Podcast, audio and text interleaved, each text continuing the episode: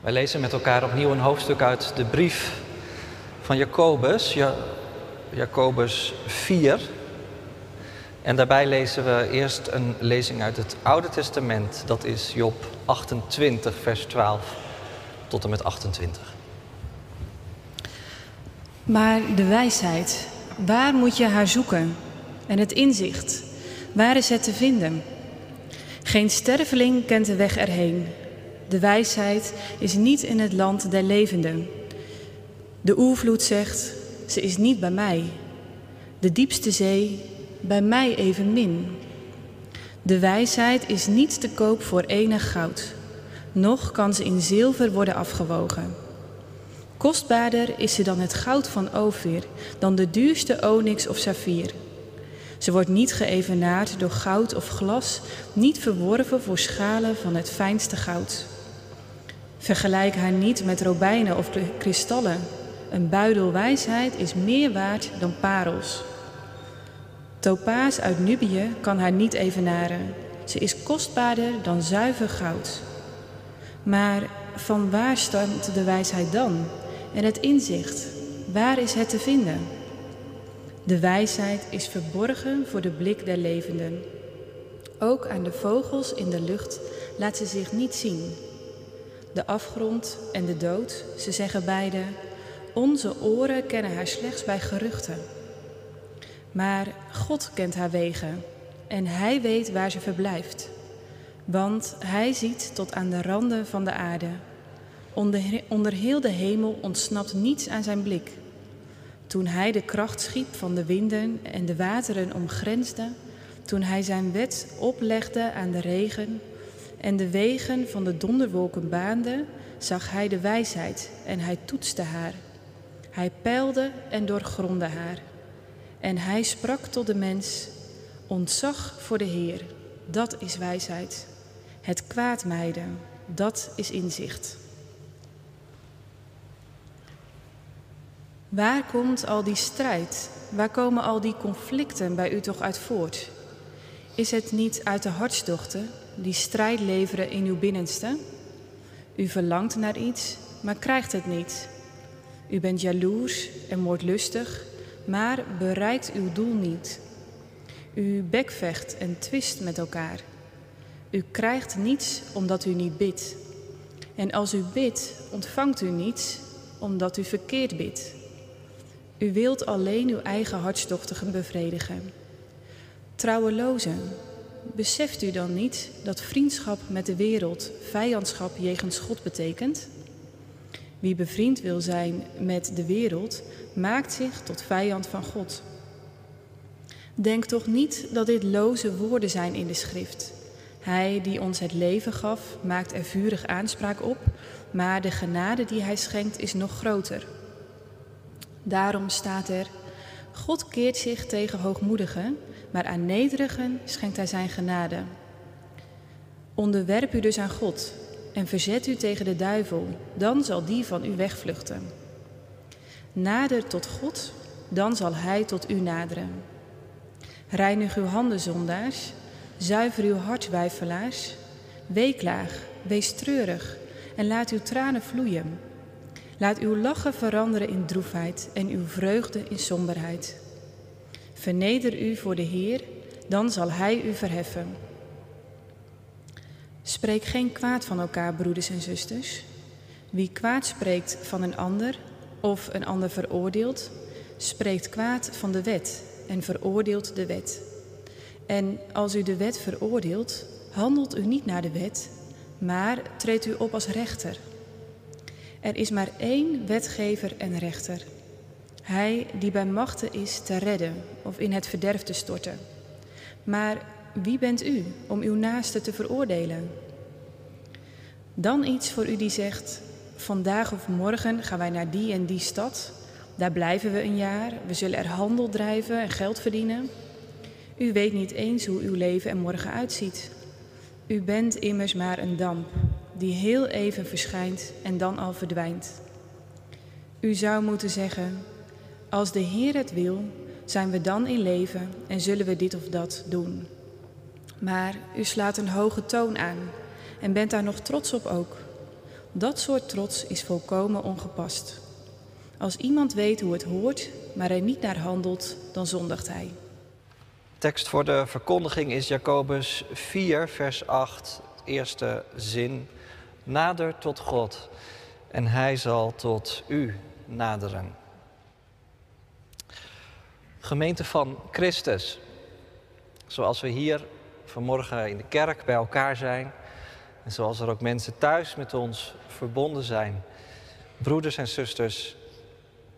Het is bijna 70 jaar geleden dat de bekende auteur C.S. Lewis zijn boek Meer Christianity schreef.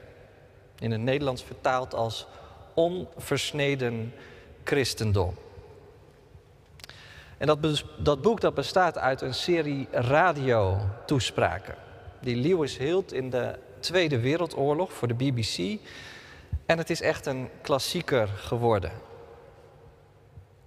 Een schat aan wijsheid, als je het mij vraagt. En nog steeds actueel, hoe oud het ook is. Er gaat bijvoorbeeld een hoofdstuk over de trots of de hoogmoed of de eigen wijsheid. Een zonde die volgens Lewis wel eens de bron van alle kwaad zou kunnen zijn, de oorsprong, de oerzonde, de ultieme anti-God-houding. En het vreemdste is misschien wel dat heel veel mensen het bij anderen zien en er dan van walgen, maar zelf het idee hebben dat het bij hen nog wel meevalt.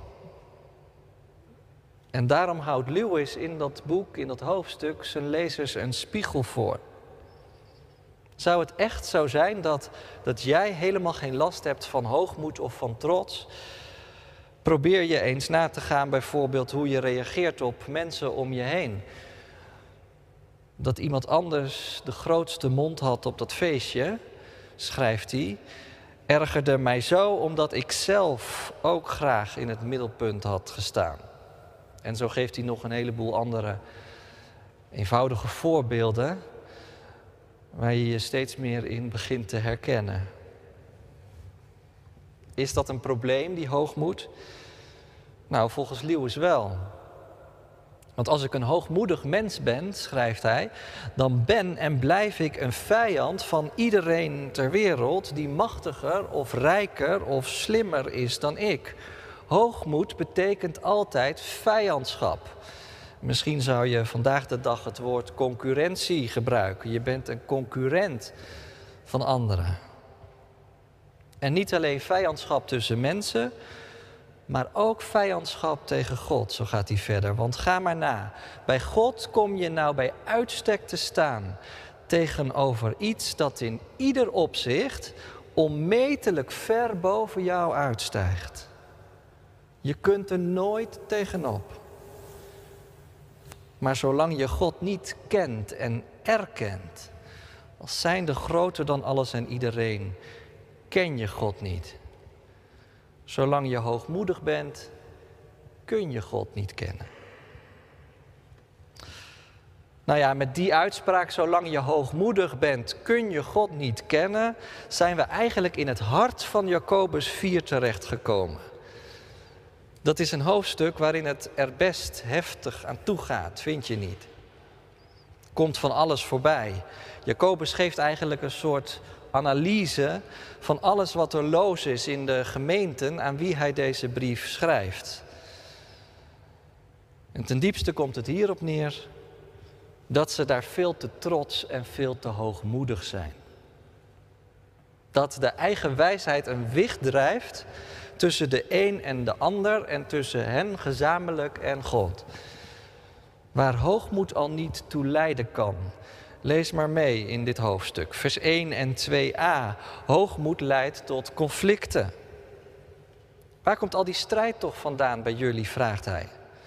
Is het niet uit de hartstochten die strijd leveren in jullie binnenste? Jullie verlangen naar iets, maar krijgen het niet. En daarom zijn jullie jaloers.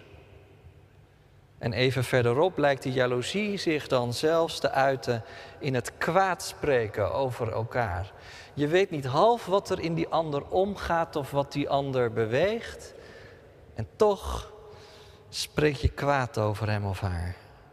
Je oordeel is al snel geveld als je hoogmoedig bent en altijd denkt dat je het beter weet dan de ander.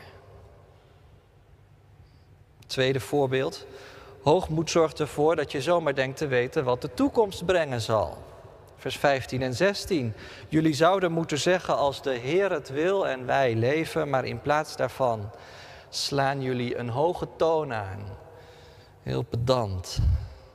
Jullie zijn er nog trots op ook, dat je weet wat het komende jaar brengen, brengen gaat. En derde voorbeeld. Hoogmoed leidt ook zomaar tot een crisis in je gebedsleven. Vers 2b en 3. Jullie krijgen niets omdat jullie niet bidden, zegt Jacobus. En als jullie al bidden, dan ontvangen jullie niets omdat je verkeerd bidt. En omdat jullie alleen je eigen hartstochten willen bevredigen. Jullie grijpen te hoog, zegt hij. Gaat eigenlijk alleen maar om jezelf, zelfs als je bidt. Om je eigen verlangens.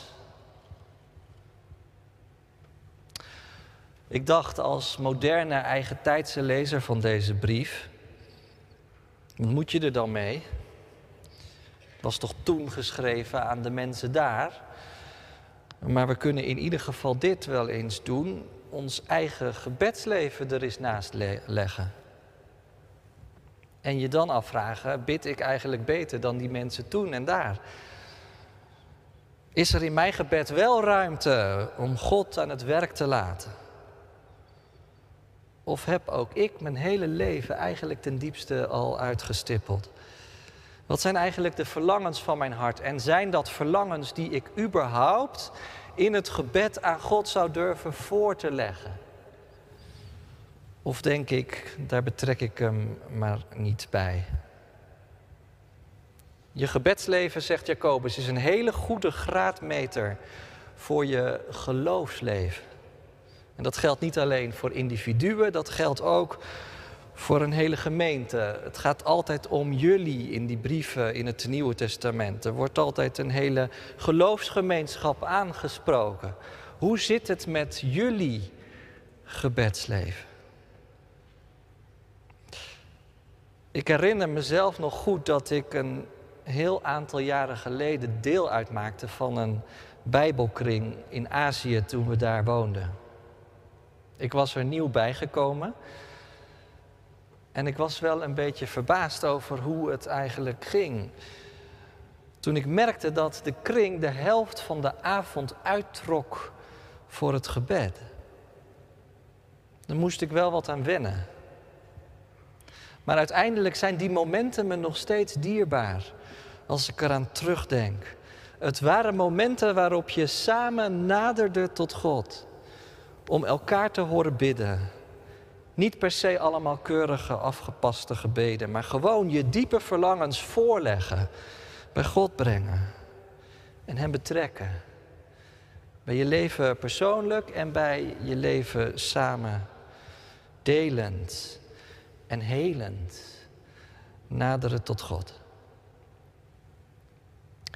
En het wordt denk ik wel duidelijk als je dit hoofdstuk leest, dat dat ook precies is waar Jacobus op aanwerkt in dit hoofdstuk.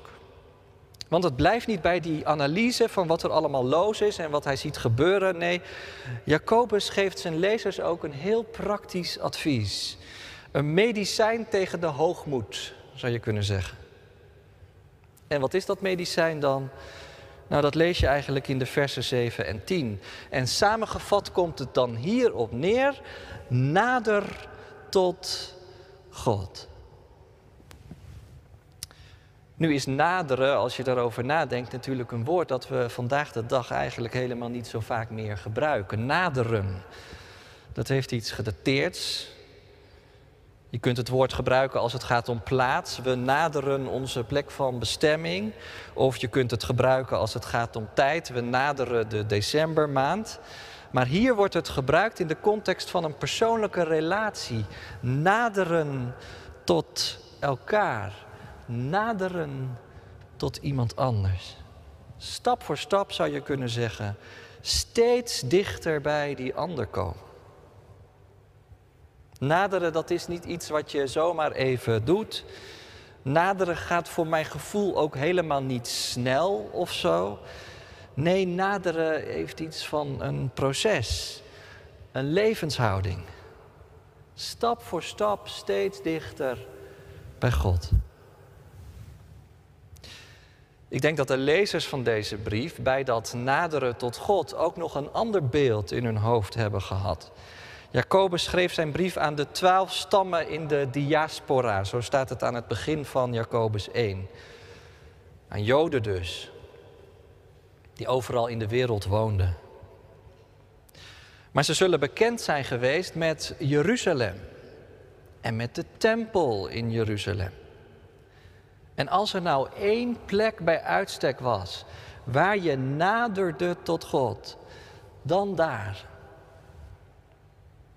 Kom je ook achter als je het woord opzoekt in het Oude Testament. De priesters, zij mochten naderen tot God. En de hoge priester één keer per jaar naderen tot in het heilige der heiligen. Dichterbij kon je niet komen. Maar je kon er ook niet zomaar komen. Eén keer per jaar en dan ook nog eens helemaal gereinigd. Allerlei rituelen kwamen eraan te pas. En terecht natuurlijk, want, want naderen tot God, dat is naderen tot de eeuwige. Het is dicht bij de schepper van het heelal komen. Dicht bij de heilige God. Die zich ooit in een brandende braambos aan Mozes had vertoond. En wat klonk er toen voor stem? Op een gegeven moment was Mozes zo dicht genaderd dat hij niet dichterbij mocht komen. Trek je sandalen uit, want de grond waarop je staat is heilig. En Mozes kon alleen maar klein worden voor de eeuwige. En nu roept Jacobus precies op om dat te doen om te naderen tot God. Nader tot God. Mag duidelijk zijn dat daarmee heel veel gezegd wordt. Dat daarmee ook niet alles gezegd is. Naderen tot God, ik. Kan dat dan? Mag dat dan? Naderen tot God? Nou, blijkbaar wel, want het staat er. Een uitnodiging om te naderen tot God. Dat is dus toch het wonder van het evangelie waar je steeds weer achter komt. Wat zomaar midden in zo'n hoofdstuk staat. Een wonder dat je klein maakt. Te midden van al die hoogmoed en al die trots en al die eigen wijsheid. Nader tot God. Omdat het kan. En omdat het mag. Maar als je je te binnen brengt dat naderen tot God, naderen tot de Heilige is, dan verdwijnt tegelijkertijd alle vanzelfsprekendheid van godsdienst en religie. Want zomaar achterloos naderen tot God, dat gaat niet. Naderen tot God, dat vraagt aandacht en tijd. En dat zie je dan ook precies terug in de adviezen die Jacobus geeft. Jacobus geeft een heel aantal praktische adviezen bij dat naderen tot God. Jacobus oproep om tot God te naderen is niet alleen een pas op de plaats maken. Stop nu eens met al die eigen wijsheid en nader tot God. Nee, het is veel meer een radicale draai maken. Naderen tot God, zo zegt hij, dat is ook je helemaal afkeren van het kwaad en van de duivel. Het is je afkeren van je eigen wijsheid en je toekeren naar de wijsheid van God. En zo bezien is het eigenlijk een hele oude opdracht. Het is als het ware een echo, om maar één ding te noemen, van die woorden uit Job die we lazen. Werkelijke wijsheid is niet je eigen wijsheid. Maar werkelijke wijsheid is ontzag voor de Heer. En werkelijk inzicht is het mijden van het kwaad. Job 28, vers 28. En dat vraagt en dat voel je aan alles. Dat je je eigen trots en je eigen hoogmoed aflegt. Wat moet je er immers mee in het licht van de heilige en de eeuwige God? En dat je je helemaal richt op Hem. En je openstelt voor God. Jacobus maakt het ook heel praktisch en concreet. Jezelf omkeren, dat betekent je handen wassen en je hart zuiveren. Dat zijn beelden die voor zichzelf spreken, denk ik. En het betekent dat je je tranen af en toe de vrije loop laat gaan. Ook bijzonder dat hij dat schrijft. Dat je lachen soms verandert in droefheid en je vreugde in somberheid. Ik weet niet hoe je die woorden hoort. Je hoort er iets van berouw in.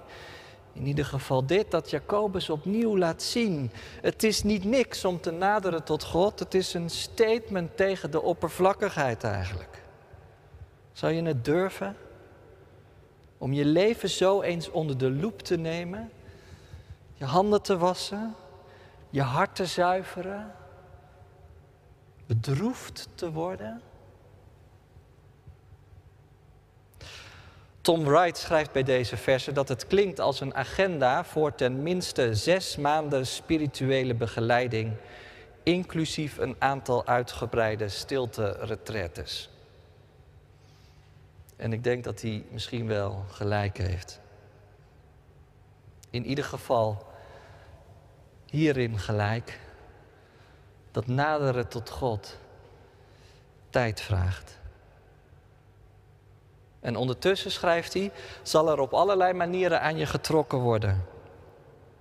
Om je te ontmoedigen om hier werkelijk tijd voor te maken. Vijf minuten naderen tot God en dan weer snel terug naar twee uur ontspanning. Een korte reiniging van je handen en dan weer met je benen in de modder en de klei. Een snelle pijnlijke blik in het diepst van het hart en dan besluiten dat je beter kunt wachten op een volgend, geschikter moment om jezelf en God onder ogen te komen. Met andere woorden, om God werkelijk in de ogen te kijken, om toe te geven hoe diep je trots zit en je hoogmoed. Daar is tijd voor nodig. En moeite. En genade. Dat ook. Dat misschien wel vooral.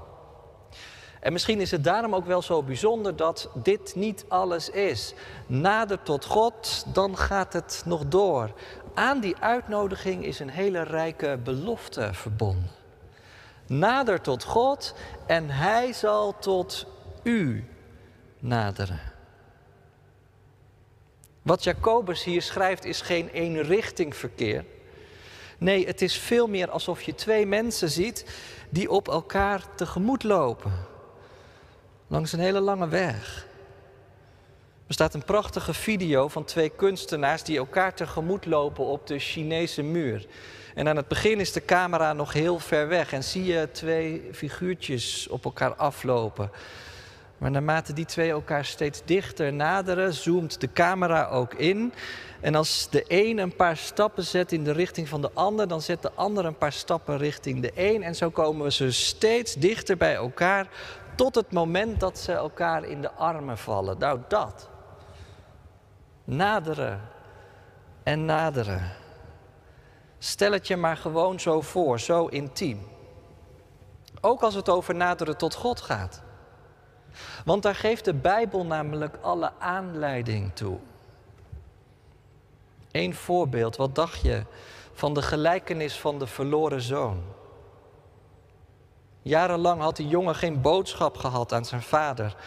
Hij was zo vastgelopen, maar ook zo vastgelopen in zijn eigen gelijk, dat hij op een gegeven moment niets anders meer kon dan op weg te gaan.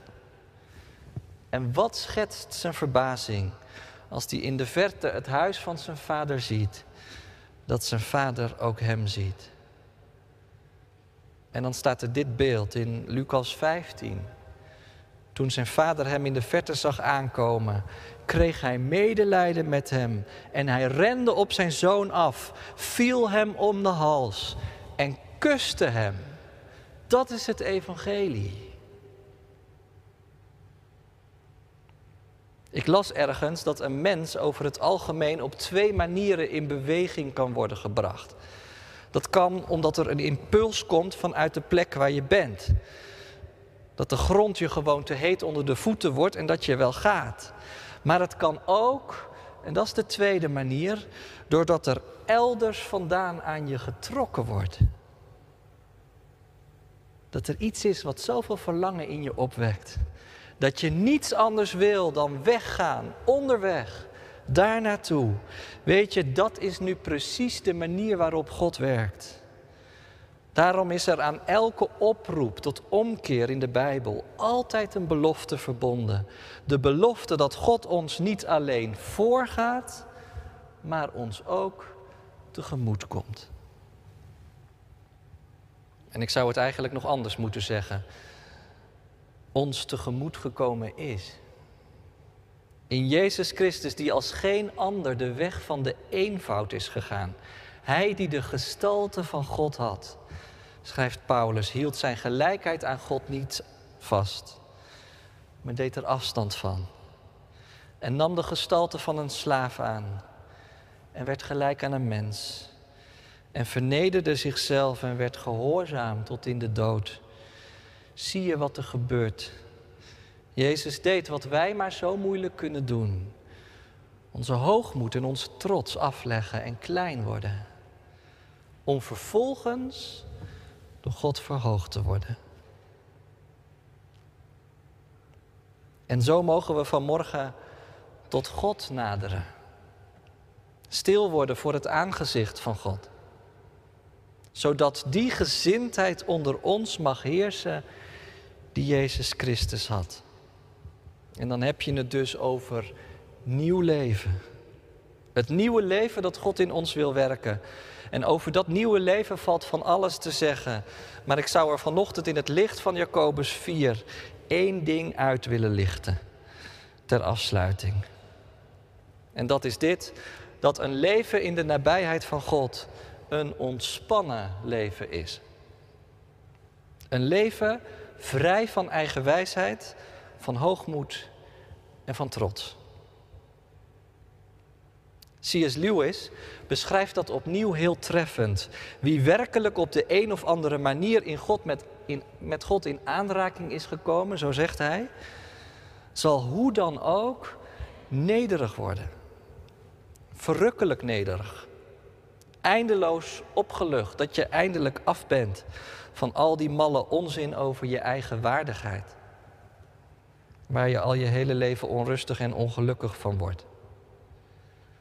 Staat er een nederig mens voor je, dan zul je misschien zelfs wel een beetje jaloers zijn op iemand die zo gemakkelijk plezier heeft in het leven. Hij wijdt geen gedachte aan nederigheid. Hij wijdt helemaal geen gedachte aan zichzelf. En dan voegt Lewis er nog dit aan toe. Ik wou dat ik zelf wat meer gevorderd was in deze nederigheid. Dan zou ik jullie misschien nog meer kunnen vertellen over de opluchting en de troost.